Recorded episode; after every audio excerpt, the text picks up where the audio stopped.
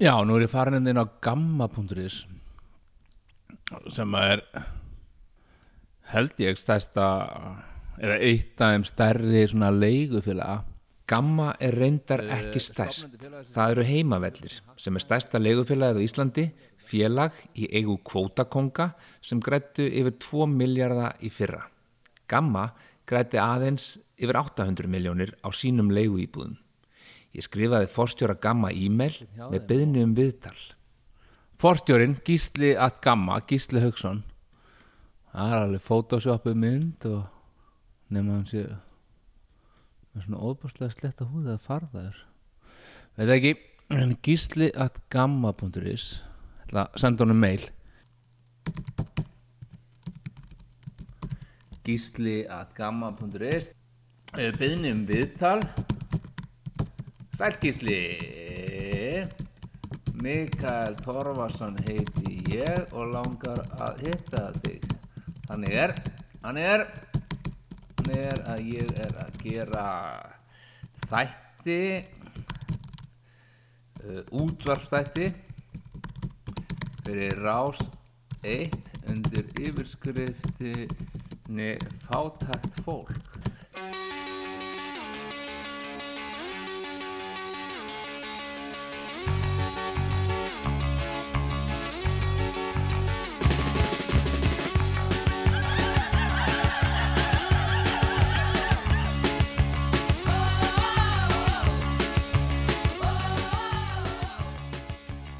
komiði sæl. Ég heiti Mikael Torfarsson og þetta er þátturinn Fátækt fólk. Síðustu átta mánuð eða svo hef ég tekið viðtöl við fátæka Íslendinga. Fólk sem býr við fátækt, hefur búið við fátækt eða er líklegt til að búa við fátækt á næstu árum. Í þessum fjórða þætti af fimm ætla ég að skoða fátæktar gildruna svokolluðu. Í fyrsta þætti rætti ég við kennara og verkafólk sem treður marfaða við fátækrar mörg velferðar ráðuneytisins. Í öðrum þætti horfumst við í augu við eigin fordóma gagvart fátækum. Í þriðja þætti fórum við heimsók til maðurastesnefndar og fjölskylduhjálpar. Í næsta þætti, sem er jafnframt 50 og síðasti þátturinn, ætlum við að skoða aðstæður fátækra barna á Íslandi. Síðar í þessum fjórðaþætti heyrum við meira frá Gamma, nú eða ekki. Ég skrifaði forstjórnum e-mail og fekk svo svar ef svar skildi kalla. En fyrst skulum við hitta unga konu sem horfið upp á móður sína, vestlast upp og verða að öryrkja. Getur þið hérna sagt mér hvað heitir? Já, ég heiti Sanna Magdalena Mörstudóttir. Og bara svo við byrjum á byrjunni, bara svo að því ég er rosa forveitunist og gott að hérna fá að kynast fólki vel hvar álstu upp. Já, kannski ég kom bara með allar söguna, eða svona smá svona bakgrunns. Herði, þess að uh, papp minn er frá Tansaníu og hann býr út í London. Og mamma sem sagt fer út í förðunanám til Englands og kynnist honum þar. Og já, svo styrtið setna bara verið ég til. Og þannig að mamma verið ólétt að mér og papp minn hefur aldrei komið til Íslands. Og þannig að hún kemur sem sagt heim til þess að fæða mig, ég fæðist hér. En svo fer hún út styrtið setna bara þegar ég er mjög lítill til að hérna papp minn í rauninni bara fengi að sjá mig. Og svo ætlaði hann eiginlega bara heim. Þetta var svona um, ég veit ekki, góðu íslenskuna svona on-off samband. Kannski ekki alveg svona nógu, já. Og hún ætlaði bara að stoppa stutt en svo í rauninni bara endist hún í sjö ár út í Englandi. Þannig að ég var í rauninni fyrstu sjö árin þar og við komum ekki heim fyrir enn 99 desember 99 og þá er ég sjö ára Sanna gekk í hátegskóla þar til hún fór í fellaskóla í Sjötabekk. Mamma hennar fekk nefnilega félagslega íbúð í Efrabriðaldi eftir að hafa velkstum á leikumarkaði. og það var að sérstaklega bara pakka og flytja sko, af því að þú náttúrulega þykkur félagslega íbúð þegar þú fær hana sko, þannig að já, þannig að það voru kannski ekkit það var alveg skarpinskata, hátún, nóatún þáttu svona flytja Batnaði ástandið þegar þið fengu félagslega íbúð.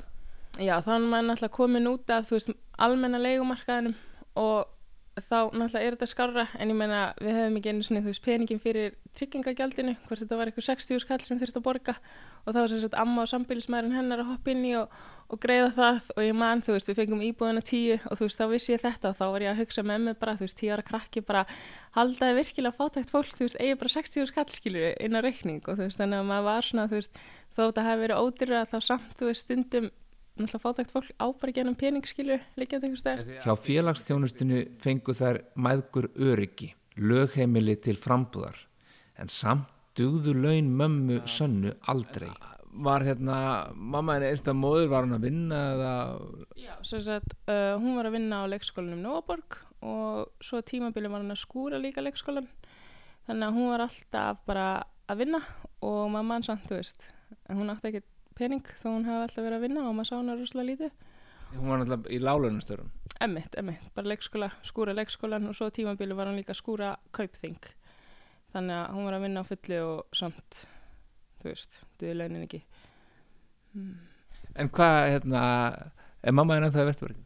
Já, hún er þar, hún er þar en svo náttúrulega bara þetta hefur svo rosalega uh, mótandi áhrif, þú veist, að vera fátækur alltaf og vera alltaf að redda sér og veist, þetta er svona fátækt svona, eins og einhver svona skuggi sem er einhvern veginn í stofinniðinni og en kannski einhver svona dökk vera sem er kannski aðna og svona kannski hverfur, byrja mánaðamót sér svona fylgir sér bak við gardínar eða eitthvað en svo svona kannski minnur hann á sig, byrja að koma fram átjönda þú veist, minnir á sig, er komin hann fram bara eitthvað svona svart vera sem hangir alltaf einhvern veginn yfir manni og með manni og, og hérna, og þú veist, mamma var tímabili að fá rosa mikið að kvíakostum af því að það er náttúrulega bara erfitt að þú veist, vita bara í rauninni alla daga bara þessi peningur er ekki að fara að ganga þú veist, næstu mánaðamót verður þetta líka svona þetta er bara að fara að halda svona áfram, þú veist það er ekkert að breytast og hérna Já, þannig að hún fekk alveg kvíðakast og kvíðakast er þannig að lýsa sér þannig að því að liði bara eins og sérst að deyja og þú veist, ég man að þegar ég var ung, kannski nýju, tíu og þá vissum maður sko að maður ætti að segja manneskinu að ímynda sér og var að blása kerti og þú veist, mammi fekk eins og kvíðakast og hvert ég var eitthvað, hugsa um eitthvað kerti og ímynda sérst að blása kerti og andi inn and út og en það er svo líjandi ástand, þannig hún þurfti að fara út af vinnumarkaði. Og svo í kjálfar, þú veist, þá verðum bara örki, út af náttúrulega bara svona sálrænum, þú veist, þetta er bara svona alltaf of erfitt og þetta átti náttúrulega bara tímabundið, þú veist, vinni sér og vinni sínum málum, en svo þegar þú hefur ekki, þú veist, það er kannski greitt eitthvað niður sálfræði kostna hjá félagstjónustunni eða kannski einhver hjálpar að borga einhverja tíma en þú veist, svo getur ekki haldið áfram í þannig, þú veist, meðferð og þá einhvern veginn ertu bara fastir í þessu, þannig að þetta er svona vítarhingur sem heldur bara alltaf áfram, þú veist, út af fátækt.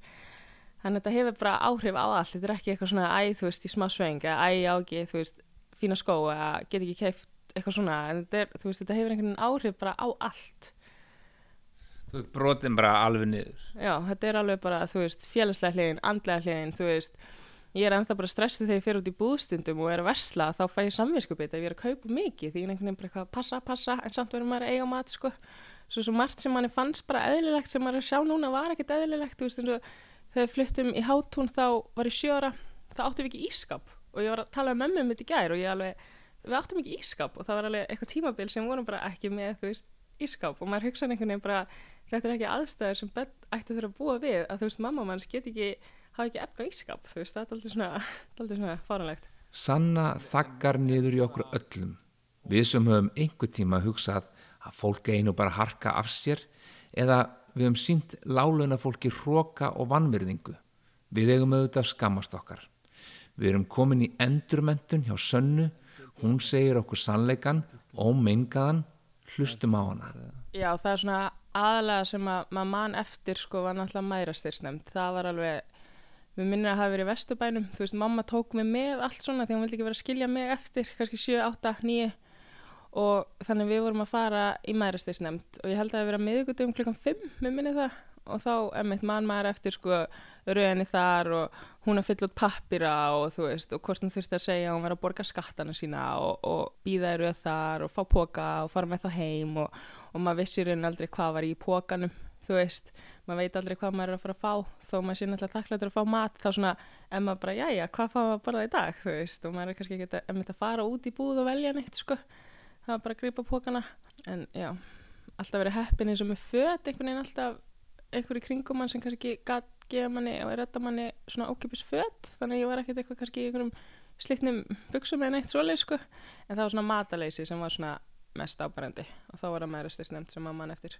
Ég held ég sé bara ennþá í dag að átta mér inni á því hvað þetta hafi verið alvarlegt. Eða þú veist, maður einhvern veginn svona hefur gert kannski alltaf lítið úr þessu að því að maður þekkir ekkert annað að þá einhvern veginn svona er þetta bara veruleikið manns og þú veist maður viss alveg að þetta væri slæmt þú veist maður var ekki með mat kannski maður kannski næst í eitthvað bara í nokkra daga, marga daga, ekkert búin að borða almenlega maður vissi þetta væri slæmt en maður vissi einhvern veginn að svona væri þetta bara. Maður gæti ekki gert neitt í þessu og maður læri kannski einhvern veginn að vera meðvitaðir um ástandið. Þegar maður er úrslega lítill og maður kannski er ekkert eitthvað að vera eitthvað fúll að vera brjálæður út í mömmu sinna maður bara veit að hún einhvern veginn getur ekkert gert neitt meiri í þessari stöðu, þú veist, hún er búin að gera allt skilur, hún kannski jafnveg svöng að gefa mér að borða og maður einhvern veginn veit að svona er ástandi hjá manni og að það er kannski betra hjá öðrum en maður einhvern veginn bara svona veit maður getur ekkert gert í þessu einhvern veginn. Maður veit þetta er þarna bara og, og þú veist að fátæktin hún er reyni komi og komi til manns í hverjum einasta mánu og sé hana og, og bara svona, svona er þetta einhvern veginn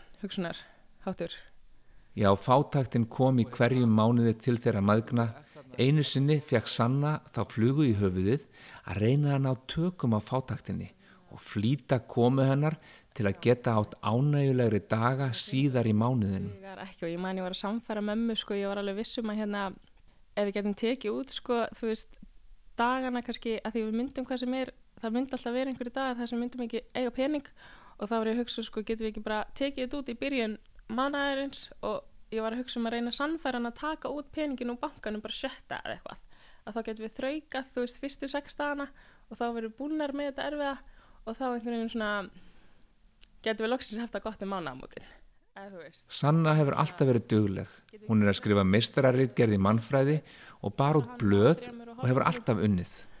Og emitt, já, þá finnum maður emitt, þú veist, maður er að vinna með hérna námi og þú veist, náttúrulega borga skólagjöld og þetta er náttúrulega rosalega Hvert, hvert fórstu að vinna? ég var rosa mikið að bera út og svo fór ég að vinna á Serrano Varst það að bera út þegar þú varst líka úlingur? Eða? Já, ég held ég að byrja að 13 eitthvað slags það var svona, hver getur maður að byrja að vinna sko, hver getur maður nælt sér í pening hver er að fara að Þannig að já Það bera út fréttablaðið? Já, ég var með fréttablaðið og tímabili með morgunblaðið og þú veist mörg hverfi og maður sá alveg slaplan að koma kvöldin og það er svona erfitt að vakna snemma fyrir skóla sko í róki En hvernig heldur þetta hafi, að, að þessi bakgrunnur hafi mótað þig? Núna þetta er glöfum að kynast fullt af fólki sem er ekki, sem bara fekk Playstation í ólögju. Sér það eitthvað mun að þér á þeim? Já, algjörlega sko. Eins og þegar maður heyri til dæmis, oh, ég, þú veist, ég á enga pening og að heyra þetta frá vinum í kringum, kringum sig.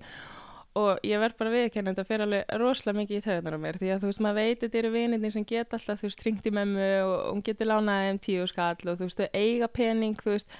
Þegar þau kannski er að meina svona æ þú veist ég á smá pening þannig að ég verð að passa mig að vera ekki kannski að panta pítsu og mæta mig næst í skólan og þú veist og fyrir mér þá þú veist að eiga ekki pening þá er maður þú veist búin að telja allar einakrónur maður er búin að leita þú veist bakvið bara alla sófa og snú öllum púðum við og tjekka hvort að einhver peningur hafi dotti upp fyrir, þú veist, maður er búin að leita öllum töskum og öllum frökkum, þú veist, maður er búin að nulla og tæma alla bankareikninga eða þú veist, jáfnveil mínusa það á skilur og þú veist, og þegar fólki er eitthvað svona að ég á ekki pening og þú veist, þá sér það ekki hvað hefur að gott, af því þú veist, ég man eins og við vorum að telja bara eitthvað klink og vorum bara að kaupa eitthvað myndur, þú veist, áttum bara eitthvað 29 krónur eða eitthvað og það var bara allt, það var bara það sem var að fara að döga, þannig að svona fólk kannski verðist ekki stundum átt að sjá því hvað hefur verið gott og verðist einmitt ekki verið svona meðveitund um að maður getur unni verið svona fátækur. Þú veist, fólk á mínum aldri og fólk í kringum hann bara er ekki alveg átt að sjá á hennar ástandinu og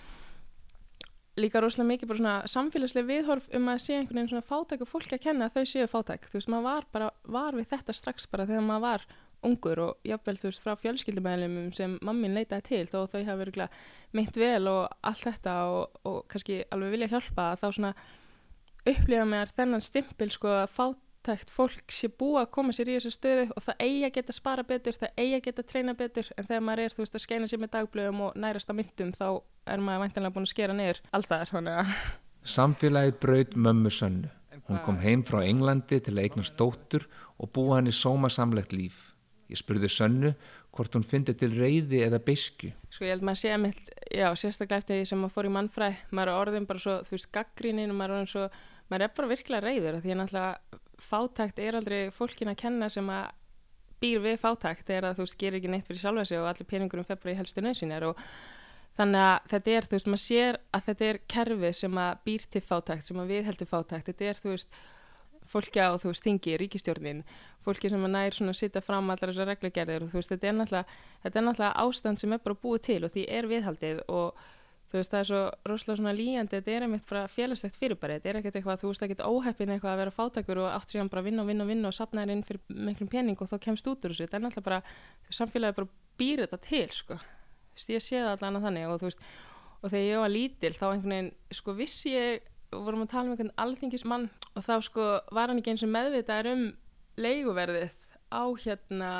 almennum leikumarkaði og þú veist og ég vissi bara hvaða maður þetta væri þegar ég var lítil og ég og mamma vorum eitthvað að tala um hann og ég var að hugsa með mig bara hvað verið gott eða hann myndi lifa lífin okkar í mánuð. Þá myndi hann sjá hvað þetta væri slengt í alvegni því maður vissi allir peningurinn en mömmu eða meiri hlutin á hann færi bara í leiku þessi maður er ekki að sjá þetta þannig að maður vissi strax að væri kerfið sem væri að búta til sem væri að viðhalda þessu. Og þú veist ég held að flestir þú veist nýjara krakkar sé ekki að pæli þessu. Einhvern veginn. Mér er sér að tala um að, að tölum ASI, Alþjóðu samband Íslands er að leiga ég að vera svona 20-25% af tekjunum Emmi, emmi, það er náttúrulega bara ekki þú veist. Húsnæðiskostnaður alveg sko. Þegar að fólk þarf að borga meiri hlutan af peningnum í leigu og svo borga reikninga og þá kannski sendur eftir bara með null og þú ert samt eftir að borga mat, þú ert eftir að borga tannleiknarkostnað þú veist, það má ekki koma upp á. Og þó, þú veist, þú púslir alveg að þá einhvern veginn er peningunum samt búin átjönda þú veist, þó þú kaupir bara pasta og borðir bara pasta og þú veist, ekkert annað eila og bara fáralegt sko.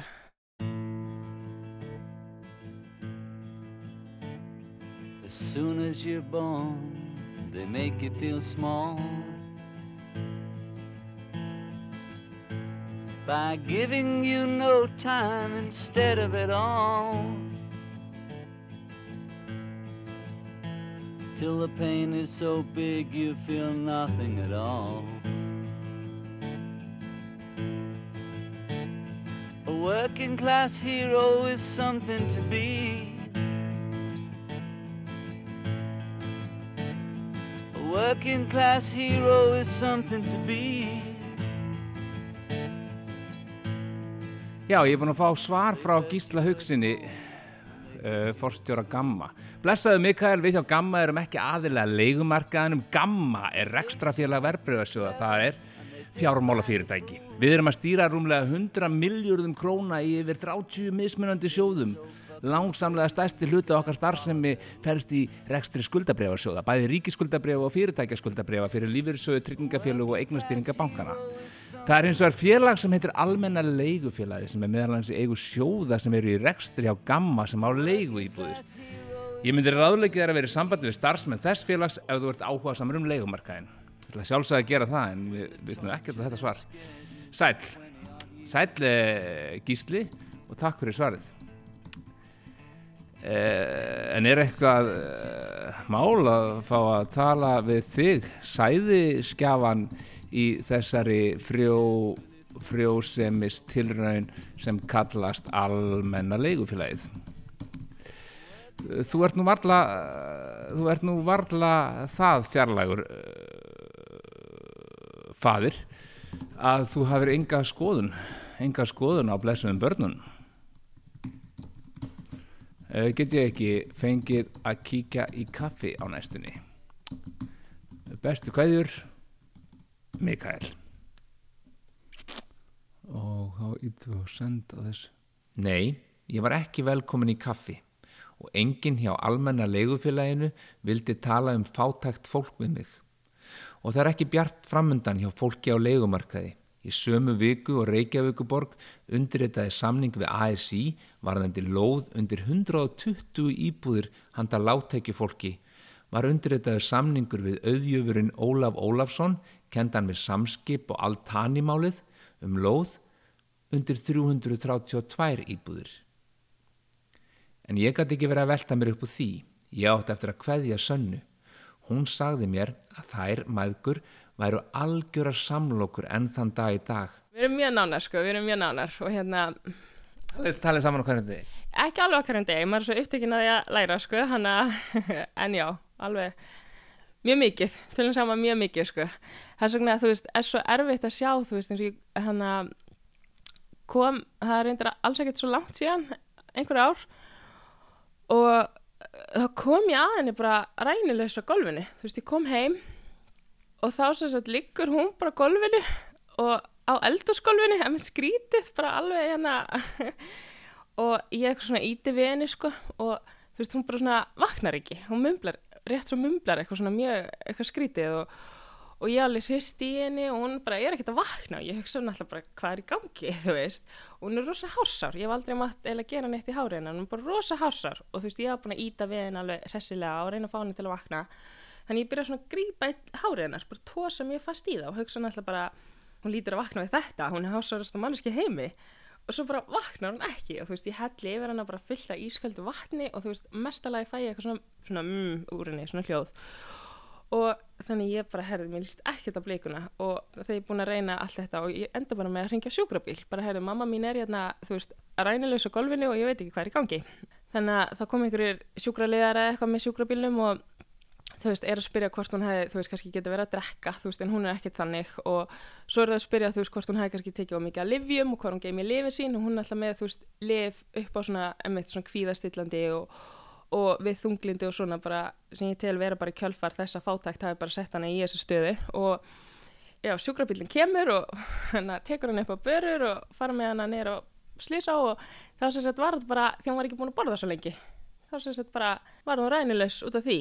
Og þá verður maður nú alveg brjálæðar, þú veist, maður hefur hortið upp á mömmu sína í þessu stöðu svo lengi og þetta sé ekki ennþá búið, veist, þetta sé ennþá svona, veist, og það er ekkert sem maður getur gert í þessu og það er ekki lægi veist, að líður yfir mömmu manns því hún er ekki búin að borða svo lengi og hún hefði myndi ekki sagt mér frá ástandinu því hún vildi ekki vera að valda mér á ekki hún hefur alltaf sett mér bara í fyrsta sæti þú veist, gera það besta fyrir sönni og þannig að já, þegar mamma manns líka bara rænilegsa gólfinu út að vegna hungurs það var svona sláðandi Ég þurfti að fara á Akureyri að hitta Hans Jónsson hann er fátækur og elur upp dóttur og tvo hunda í leiguhúsnaði fyrir norðan. Hans reyndi lengi vel að pína sig til að verða ekki öryrki vegna veikinda sinna. Hann bjó í svíþjóðum tíma og reyndi allt. 2007 kem ég heim, ég fæ vinnu hérna og ég reyni aftur við það að komast aftur í skólan af því að veist, það er það sem maður gerir.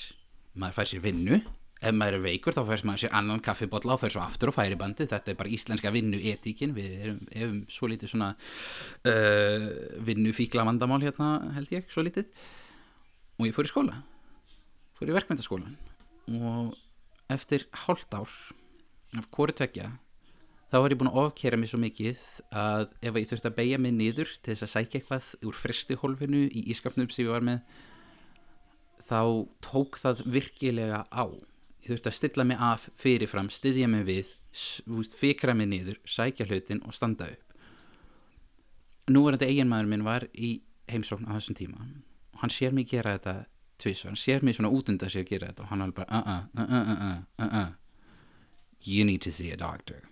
Þannig að það var fyrsta skipti sem ég fór til læknis og þrjóskaðist við það að segja nei, ég er ekki með tak í bakinu persi, það er eiginlega alltaf svona því vanalega var það þannig að maður fór til læknis og hann segi já, heyrðu þú komið takk í bakið hérna fóðu verkjalif og gónd aftur eftir mánuðu þetta lagast ekki. Jafnvel eftir maður settist þannig niður og segi heyrðu, svona er þetta búið að vera í nokkur ár.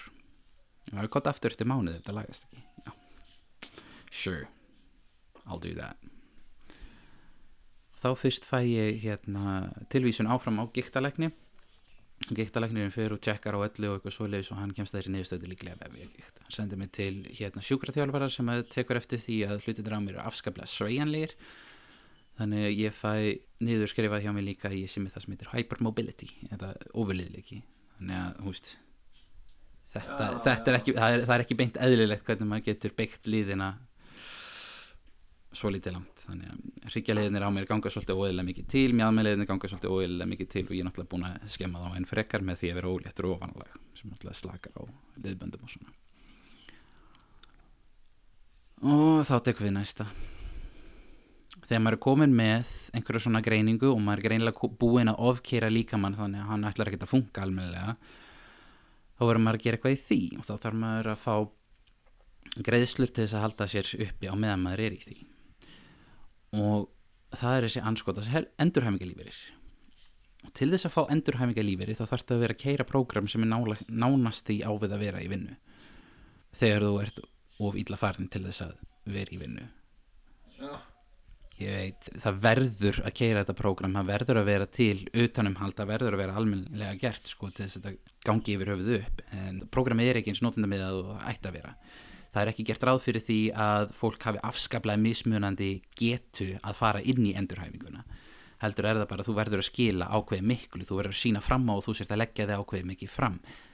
Ekki miðað við eigin getu heldur bara baseline sko. Hans er fastur í fátækt af því að í dag er hann öryrki og lifir á bótum. Að það er rosalega mikil félagsleg einangrun fyrir öryrkja vegna þess að, fyrir það fyrsta, það er rosalega dýrt að vera öryrki. Það kostar pening að geta gert ráð fyrir sínum grunn þörfum þegar það er örlítið erfiðar að sækja þér. Maður þarf að sækja sér líf, maður þarf að sækja sér læknisaðstóð, maður þarf að hafa fyrir hlutum sem að gera það verkum að maður geti gert yfir höfuð eitthvað. Ég ætti að öllum líkindum að vera að fara að hitta sjúkraþjálfara og fara í sjúkranut minnstakosti vikulega ef ég ætla að halda skroknum á mér í eins góðu horfi og, og hann getur verið. Ég hef ekki efna, ég hef ekki hitt sjúkraþjálfara í meirinn ár. Ég hef ekki fræðilega möguleika á því. Ég fæ alltaf að heyra já, niðugreitt, niðugreitt það skiptir ekki máli, ég á ekki krónu augreitti síða Saga hans er ekkit einstæmi margir öryrkjar þurfa á sjúkraþjálfun að halda en hafi ekki efna á því og er þannig haldið veikari en þeir þyrtu að vera. Einn þeirra er Bára Halldórsdóttir. Hún býr í Reykjavík og endar reglulega á spítala af því að hún hefur ekki efni á sjúkraþjálfun. Ég til dæmis ætti að vera í sjúkraþjálfun tvísar í viku. Eh, ég er búin að neyta mér um það alveg í fjögur ár og hef lengt tvísar inn á spítala bara út af því beint. Bara núna síðast í síðustu viku. Ég var með tvöfald brjósklós og og er klemda taug og fór í aðgerð út af því. Og brjóskljósið kemur vegna kyrsetu ég gæt ekki gert eitt eða neitt fyrir verkjum og svo leiðis þannig ég fer, til, fer að tala við læknin og hann segir við mjög ágjör svo vel hérna sjú, þú ert að fara til sjúkraþrjálu tvísar í viku da, da, da, og það er 12.000 kalla mánuði og ég á hann ekki. Bára og hans búa í sittkorum landslutanum á Íslandi en eru bæði aktivistar og öryrkjar Hans var í frambóði fyrir Pírata í síðustu alþingiskostningum og bára bloggar og er vinsæl á Snapchat. Hún var alltaf svo hrætt en nú er hún búin að fá upp í kók. Og ég er með stóð hérna, ég held að þessi tvö ár síðan sem ég stóð fyrir framann alþingi með skildi hérna, ég neyta mér um heilbriðstjónustu til þess að gef, gefa fjölskyldunni minni mat. Ég bara eru, eru ráða minn af, aflöðu færir og ég er með svona klinkbögg svona, geti ég gefið mér smá pening fyrir lífunu og þá var ég svona að sitja heima einhvern veginn í svo mikill uppgjöf og nýðulengu yfir því að vera svona ofsalega peningalítul og geta ekkert gert. Og bara einn daginn þá vaknaði ég bara og sagði bara annarkvæmt ger ég eitthvað? Eða þá ég bara, ég lifið ekki af sko. Og setjandi þarna fárveik í, ég veit ekki hverju sem að ég dróði þannig um mig og leiti út eins og ég veit ekki hvað það gaf mér bara svona, gaf mér svona sálina mín aftur að hafa bara farið og sagt bara sjáðu hvað ég er að gera. Og það er volið mikið það sem ég er að gera. Ég er með Snapchat þar sem að ég leifi fólki að fylgjast með veikindunum mínum upp og niður. Og hérna Þú ert orðin enna aktivisti í dag. Ég er það og ég er ofsalega mikið að móti því sem að er til sem gömul hefðið á Íslandi að maður eigi að vera alltaf að fela það að maður er fátekur eða fela það að maður er veikur eða fela það að sé eitthvað að. Og bara harkt af sér rötu þessu. Að því að Ísland er fullt af betlurum þegar þú fær til útlanda þá er þetta bara úúú, skyllilegt það eru betlara hér á öllum göðum en við erum ekki á göðunum íslenski betlarar, við erum inn á matagjafa síðunni á Facebook við erum inn á fatagjafa síðunni á Facebook við erum í allum þessum stopnunum að leita okkur aðstæðar og það eru bara björgunarhópar í gangi. Og svo erum við náttúrulega sníkja af vætningum og, og allum kringum okkur. Og á Íslandi er bara slætti af fólki sem er á bellarstíki En mér leik forvitna á að vita hvort einhverju þingmenn eða ráþerar hafi gefið báru pening í baukinn sem hún stóð með fyrir utan alþingi. Og enginn þeirra gerða eitt einastu, ég bara held að þér hafi ekki þórað að horfast í auðu við að hvað var það sem stóð bara á skiltinu mínu. Að ég sat hana í stól greinilega þjáð af öllu með sólgleru til, til að þóla sólina og pökkuð inn í teppi og með, með hérna, auka hanska og griflur og, og allt þetta tótar í. Og það komir rosalega óvart að sjá þingmann eftir þingmann eftir starfsmann eftir starfsmann lappa bara fram hjá ég held að þið séu upp til hópaða mjög margir allavegna í, ef maður skoðar fjórflokkana eða þetta sem að þetta gamla kerfi, ég held að þið séu bara einhverju svona sjálfsblekkingu þegar að því að við erum náttúrulega með stóran hluta fólki sem er millstjætt og við erum stóran hluta fólki sem er einhver staðar í einhverjum hákastulum af, af tekjum, eitthvað sem er bara fáranlegt en svo erum við með þessa, þennan hérna, hluta aðuryrkina á þeir. Og við höfum ekkert bólmagn, við getum ekkert farið verkfall og meilhutin af okkur getur ekkert farið inn í bæja mútmæla, við erum bara veik og getum ekki farið. Og ég til dæmis hef gert það svolítið viljandi að vera svolítið rött fyrir þá sem ég þekki. Út af því að ég er kjátt fór og frek og alveg til ég að ofminbera mig niður í bara raskat allarleið sko og segja hluti sem er ekki verið að segja sem fólk er að skamma sín fyrir og þú er ekki að segja En hvað, hérna, hvað heitur á Snapchat ef eitthvað vil bæta þér við? Ég heitir bara, Hald, bara Haldurs Bara Haldurs bætið henni við Bára er alveg frábær og ef þið fylgið þáttæku fólki á podcasti í símanum ykkar þá hef ég verið að byrta þar auka efni Allt viðtalið mitt við Báru er á podcastinu því línulegri dagskrá rásar eitt berst maður við tíman. Ég rætti nefnilega líka við Egil Andra Gíslason, ungan mann sem býr í næstu götu við mig. Hann er 19 ára gammal öryrki, fastur í fátæktar af gildru. Og hvað gammal er þú flyttur á heim? Uh, ég held ég að verið uh, 16 þá flutti ég ekki beint á heimann sko, það var bara hend mér út Og akkur, að vera hend út? Mm, ég var bara í einhverjum andlegum vandræðum og endaði á byggl og endaði smá deilu með stjúpað minn og eitthvað svo leiðis og hann vildi bara ekki hafa mig heima. Varstu á, á hérna á barna úlinga getið þá hvernig, hvernig fórstu það ángað? Ég fór ángað 15 og 16 ára. Og var þar í fjórum mánu Og það verið gott að því að Já, ég hafði rosalega gott að því. Það hjálpaði mér alveg helling sko. En getur þú líst fyrir mér eh, nákvæmlega ferlinu? Þú ert komið bara, eh, þú veist hvert ferðu þegar hérna, þér lendir saman við stjúpföðin og þér er hendt út og hérna, eftir einhverju gungu á bugl, hvert hver, hver, hver endar þið þá? Ég endaði nokkra mánuði hjá ömmu minni og svo hérna flutti hún til dóttur sinnar, þú veist, sýstum ömmu minnar. Og þá þurfti ég að vera að finna stað hjá bara öllum vinum mínum fyrir einhvern stað þess að gera það þar. Og ég var bara að þessu flakki í alveg tvö ár sko. Þannig til ég loksins fann þessa stelpi sem við erum núna og flutt til hennar Það kærast það eina vinkunni? Kærast mín Ég fekk samt ekkert neina bætur eða neitt fyrir þess að frétt kom út sko það var eitthvað rosalegt ferli til að fá bætur Fréttin sem Egil talar um er viðtal í fréttatímanum en það er það þannig að fólk lígur sér seint inn á örorkubætur. Ferlið er langt og stránt, eigill er ekki á örorkubótum ennþá, það geti tekið langan tíma. Og, ertu þá bátum bara hjá félagsstjónustunni? Já. Ég held að það er svo andlega óstöðu núna, ég er óvinnumfær samkvæmt lækni. Það áttur að finna út hvort að ég fara á endurhæðingarlífurir eða, eða fara bara að finna mér áttu vinnu eða eitthvað svolítið. Og það er vegna, þú eru að berjast í gæðran hennar vandamál? Mm, já, það er bara út af þunglinda kvíða og einhvern reyðis vandamálum og bara öllum andskotanum, sko. Og finnst, hefur þú verið að fá hjálparandi það? Já, ég nýbyrjar áttu því. Já. Já, ég fara með að, ég var að færa mig yfir í, er náttúrulega heilskesslunni hérna í mjött. var alltaf í að kópa og ég er að fara til salfræðings og eitthvað okay. þannig það er eitthvað að ganga komið með lif og eitthvað líka Jú, það er aðeins bjartara framöndan hjá Agli en ég kynntist líka ungri konu sem er örki hún vildi ekki koma framöndan nafni en sagði mér frá draumi sínum um að ná bata og verða sálfræðingur. Mm, Ég með áfællistrætur öskun og hérna hann var fyrir mörgum áföllum og bara því fylgir oft unglindi og tilfengasveiflur og, og þannig. Þannig að já ég hef bara verið mikil sjálfsvinnu og það hefur gengið vel.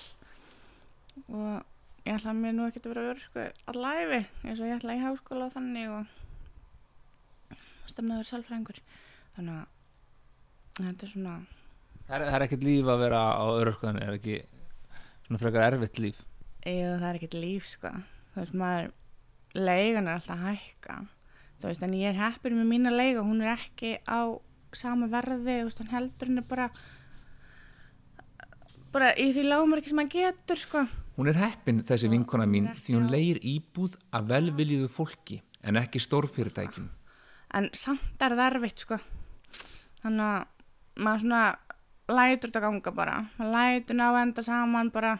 Ég þarf að vinna með þessu. Þannig ég gæti ekki búið hérna ef ég væri ekki að vinna aukalega þótt að ég með skerta starfsketu og það er ég samt að þú veist ég er í skóla og mér finnst það eitt og sér bara alveg nóg sko en ég þarf náttúrulega að lifa og ég þarf að þú veist borga leig og reikninga þannig að maður þarf bara að redda sér skilur Hvað er, er þetta að vinna með?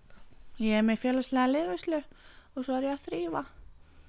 Þannig að Hvað er þetta að gera þér út með eitthvað í fyrirstæri liðvæslu? ég er svona þjónusta hana þannig að maður gerir bara það sem hann er langar að gera. Og hver er það sem, ekki þetta sem er hver er það en hvernig, hvernig föllun er viðkomandi með? Hún er með hérna væg og þroskaskerningu og túrætt. Og hún er rosalega hress og skemmtileg. Já, og indelstelpa. Og þið ert að fara með hana í, í bíu eða kaffús eða tölt í bænum með hún? Já, algjörlega. Fórum með bingo seinast. Þannig að við gerum alls konar hluti. Já. Sumir öryrkjar eru það hefnir að geta unnið eitthvað á bótum og mega það upp að ákveðnum tekjumörkum. En auðvitað er ekki allir jafn hefnir og hans og Bára hafa til dæmis ekki hilsu til að vinna. Næsti þáttur er 50 og síðasti þáttur af fátæku fólki. Við ætlum að kalla þann þátt fátæk börn. Já, ég veit. Þessi tvö orð eiga ekki vel saman. þá var ég voða lítill og mamma var svo sagt að vinna held ég þá tvær vinnur og var rosalega upptekinn yfir daginn og þetta var svo sagt ein jól að þá var rosa erfitt hjá okkur. Ég held að ég hafi bara verið þryggjára um það byll og hún sem sagt hafði ekki efna gjöfum hún hafði ekki efna mat og hún vissi ekkert hvað hún átt að gera. Og það sem hún sem sagt, gerði þá fyrst er að hún ringdi í mæristisnefnd og talaði við fólk eitthvað um þetta og hvort að hún gæti fengið eitthvað skilur sem myndi hjálpa sér og þá er sem sagt ringdi ég hann nokkrum dögum senna og þá er sem sagt maður, gammal skólastjóri á eftirleinum sem vil gefa henni 100.000 kall fyrir bara jólin. Og ég man alltaf svo vel eftir þessari sögu því að þetta er eitthvað sem mamma hefur sagt mér svona í gegnum tíðina frá þessari sögu svona aftur og aftur og mér finnst þetta svo flott. Og þetta var, þetta var bara einhver gammal skólastjóri á eftirleginum og var í rauninu bara að nýta peningin sem hann fekk til þess að styrkja annað fólk í erfiðum aðstæðum. Og við fannst þetta alltaf svo indislegt að maður fær alltaf bara svona um tilhýningu og maður hugsa um þetta því þetta er, þetta er bara það er alltaf svo frábært að heyra svona sögur frá fólki sem vil gera gott að sér. Og, og í ennþá dag í dag veitum við ekkert hvað hann heitir því að hann vill ekki láta til nafsins getið. Þetta er hún Þórhildur. Hún mun segja okkur sína sögu í næstu viku. Ég heiti Mikael Torvarsson. Takk fyrir mig.